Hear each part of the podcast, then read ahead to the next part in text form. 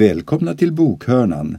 Örjan Bäckryd läser ur Olof Edsingers bok Ett liv i den heliges närhet. Kapitel 6 Den förpliktigande nåden. Som jag redan har varit inne på har man i det sammanhang som jag själv har vuxit upp i haft ett kluvet förhållande till helgelsen. Man har blivit så fokuserad på försoningen genom Jesus Kristus att den heliga Ande har tenderat att komma i skymundan. Och inte minst viktigt, man har varit så fokuserad på tron som Guds gåva till oss människor att man haft svårt att se poängen med det heliga livet. I extremfallen har man till och med skapat teologiska system som har gjort helgelsen ointressant. Jag råkade en gång bli åhörare till en präst och en icke-troende kvinna som resonerade om hur illa vi ibland kan bete oss som kristna. Kvinnan uttryckte sin besvikelse över kyrkan och prästen bemötte hennes ord med att säga att kristna aldrig var tänkta att uppföra sig bättre än någon annan. Det enda som utmärker oss, sa han, är att vi är förlåtna för allt dumt som vi har gjort.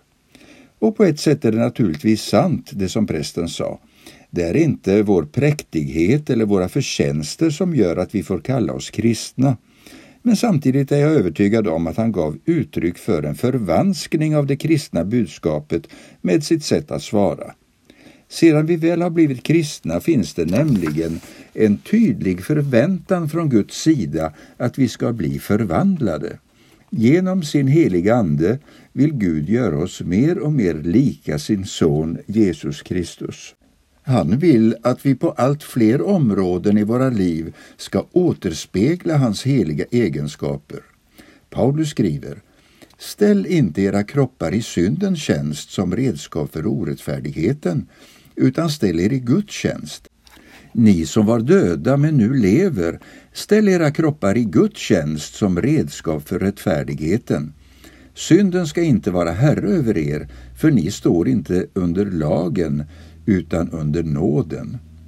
Paulus ord sammanfattar på ett fascinerande sätt det som var budskapet i förra kapitlet. För det första, synden ska inte vara herre över oss, för som kristna har vi en ny herre, nämligen Jesus Kristus. Men också, vi står inte under lagen utan under nåden. Alltså, det som driver oss framåt i helgelseprocessen är inte Guds lag utan Guds nåd som Paulus skriver till sin medarbetare Titus. Guds nåd har uppenbarats till frälsning för alla människor. Den fostrar oss att säga nej till ogudaktighet och världsliga begär och istället leva anständigt, rättfärdigt och gudfruktigt i den tid som nu är, medan vi väntar på det saliga hoppet att vår store Gud och frälsare Jesus Kristus ska träda fram i härlighet. Han har offrat sig för oss för att friköpa oss från all laglöshet och rena åt sig ett eget folk som är uppfyllt av iver att göra goda gärningar. Eftersom nåden så ofta har använts som ursäkt för att ta lätt på Bibelns undervisning om helgelsen vilar det ett slags ironi över detta bibelcitat. Ordet nåd kan visserligen översättas med gratis, men tanken med Guds nåd är också att den ska sporra oss till goda gärningar. Martin Luther skriver apropå detta. Men, säger du, tron rättfärdiggör ju trots allt utan gärningar. Ja, det är sant. Men var är tron och hur agerar den? Hur visar den sig?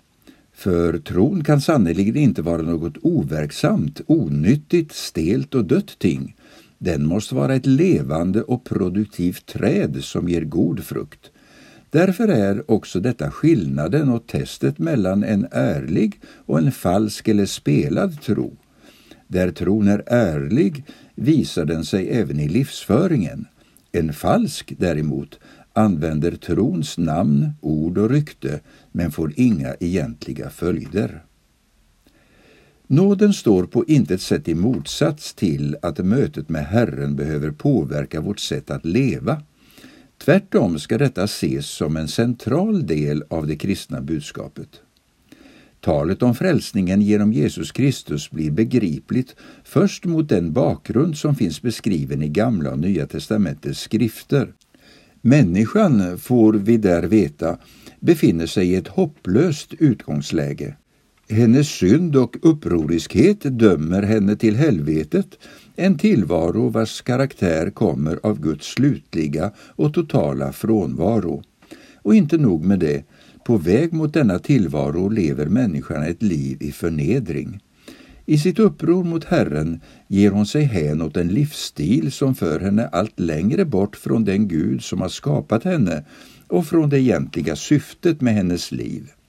Paulus skriver Också er har Gud gjort levande, ni som var döda genom era överträdelser och synder. Tidigare levde ni i dem på den här världens sätt och följde härskaren över luftens välde, den ande som nu är verksam i olydnadens barn. Bland dem var vi alla en gång när vi följde våra kötsliga begär och gjorde vad köttet och tankarna ville. Av naturen var vi vredens barn, precis som de andra.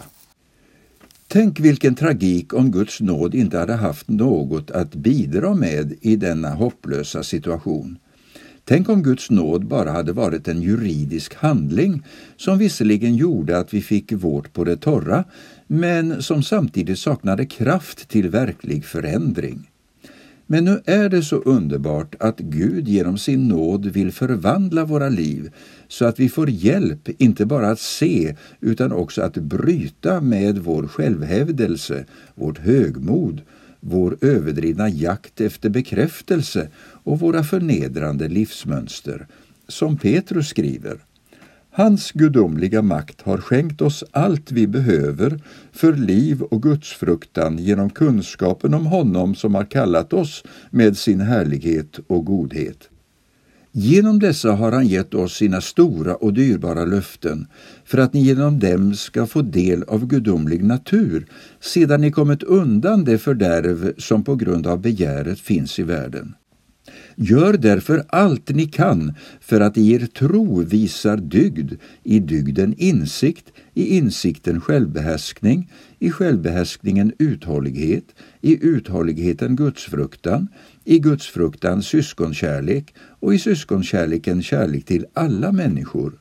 För om allt detta finns hos er och får växa blir ni inte overksamma eller utan frukt i er kunskap om vår Herre Jesus Kristus. Men den som saknar detta är närsynt och blind och har glömt att han blev renad från sina tidigare synder. Bli vad du redan är. Guds nåd manar till ett liv i efterföljelse.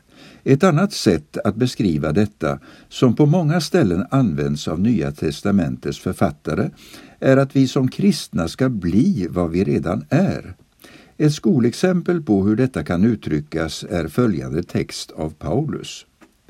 Om ni nu har uppstått med Kristus, sök då det som är där ovan, där Kristus sitter på Guds högra sida.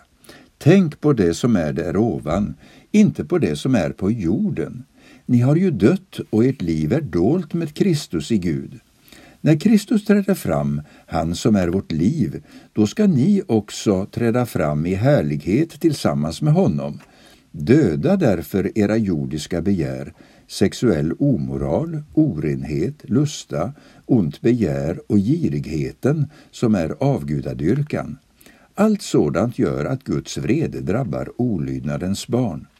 Bland dem vandrade också ni en gång när ni levde i dessa synder.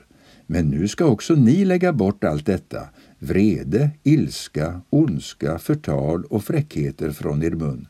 Ljug inte för varandra, ni har ju klätt av er den gamla människan med hennes gärningar och klätt er i den nya människan som förnyas till rätt kunskap och blir en avbild av sin skapare. Vad Paulus gör i dessa verser är att han börjar med att tala om vad Jesus redan har gjort i sina läsares liv för att sedan uppmuntra och utmana dem att leva på ett sätt som är i överensstämmelse med detta. Annorlunda uttryckt, Paulus uppmanar de kristna att bli vad de redan är. Ni har ju dött, skriver han, och bara två verser senare, döda därför. I en annan vers längre ner skriver han, nu ska också ni lägga bort allt detta. Men redan i nästa vers konstaterar han, ni har ju klätt av er den gamla människan med hennes gärningar och klätt er i den nya människan. För oss som lever i en tid då det är vanligt att brottas med sin självbild och identitet tänker jag att Paulus ger ett uppmuntrande perspektiv på helgelsen. Trots våra komplex, våra tillkortakommanden och vår känsla av att inte duga säger Herren att vi faktiskt är något i hans ögon. Genom hans nåd har vi blivit förvandlade. Genom dopet och tron har vi blivit inadopterade i hans familj. Vi har blivit arvtagare till all andlig välsignelse i himlen, som Efesierbrevet uttrycker det. Vi är Guds utvalda, heliga och älskade. Och kanske bäst av allt, detta gäller oavsett om vi känner det eller inte. Ingenting, vare sig i himlen eller på jorden, kan ta Guds frälsningsverk ifrån oss. Det är mot denna bakgrund som Paulus säger det vi tidigare läste. Låt er förvandlas. Alltså, låt det som Gud redan har gjort i ditt liv få genomslag också i praktiken. Inom den så kallade kognitiva psykologin arbetar man med att förändra vårt sätt att tänka för att på så sätt finna möjligheter och lösningar på områden där vi av någon anledning har kört fast. Denna typ av terapi kan gälla allt från fobier till destruktiva livsmönster. I princip skulle man kunna säga att Nya testamentet utmanar oss som kristna till en motsvarande övning. Med hänvisning till Guds ord och löften får vi be att våra sinnen och därigenom också våra liv ska förvandlas. Som skriften också säger, när vi nu har dessa löften, mina älskade, så låt oss rena oss från allt som befläckar kött och ande och fullborda vår helgelse i vördnad för Gud. Lärjungaskapet och trons lydnad. Den relation som vår frälsare vill ha till oss alla beskrivs i Nya testamentet som en lärjunges relation till sin mästare. Ordet lärjunge finns faktiskt omnämnt hela 269 gånger i Nya testamentet medan ordet kristen endast används vid tre tillfällen. De krav som Jesus ställer på sina lärjungar är höga. Den som sätter handen till plogen och sedan blickar bakåt passar inte för Guds rike, säger han i ett sammanhang. Och i ett annat, om någon kommer till mig utan att hata sin far och sin mor och sin hustru och sina barn och sina syskon och därtill sitt eget liv kan han inte vara min lärjunge. När Jesus talar om att vi ska hata våra familjemedlemmar menar han naturligtvis inte detta bokstavligt. I bergspredikan säger han ju att vi ska älska till och med våra fiender. Däremot gör Jesus anspråk på en lydnad och en lojalitet som står över de band som vi kan ha både till våra släktingar och våra vänner, ja, även till våra egna liv. Det han menar är alltså, i alla fall som jag tolkar det, att om vi ställs i en valsituation där det å ena sidan är vår lojalitet till honom som hotas och å andra vår lojalitet till något annat är det en självklarhet att det senare måste stryka på foten. Bakgrunden till dessa krav står att finna i Jesu identitet. Genom sitt människoblivande har Jesus visserligen blivit vår broder, men han är också den helige Gudens son. Tron på Jesus måste därför alltid vara förknippad med någon form av lydnad. Helt i linje med detta talar Petrus om frälsningen som att lyda sanningen. Paulus beskriver sitt uppdrag som apostel som att föra människor av alla folk till trons lydnad.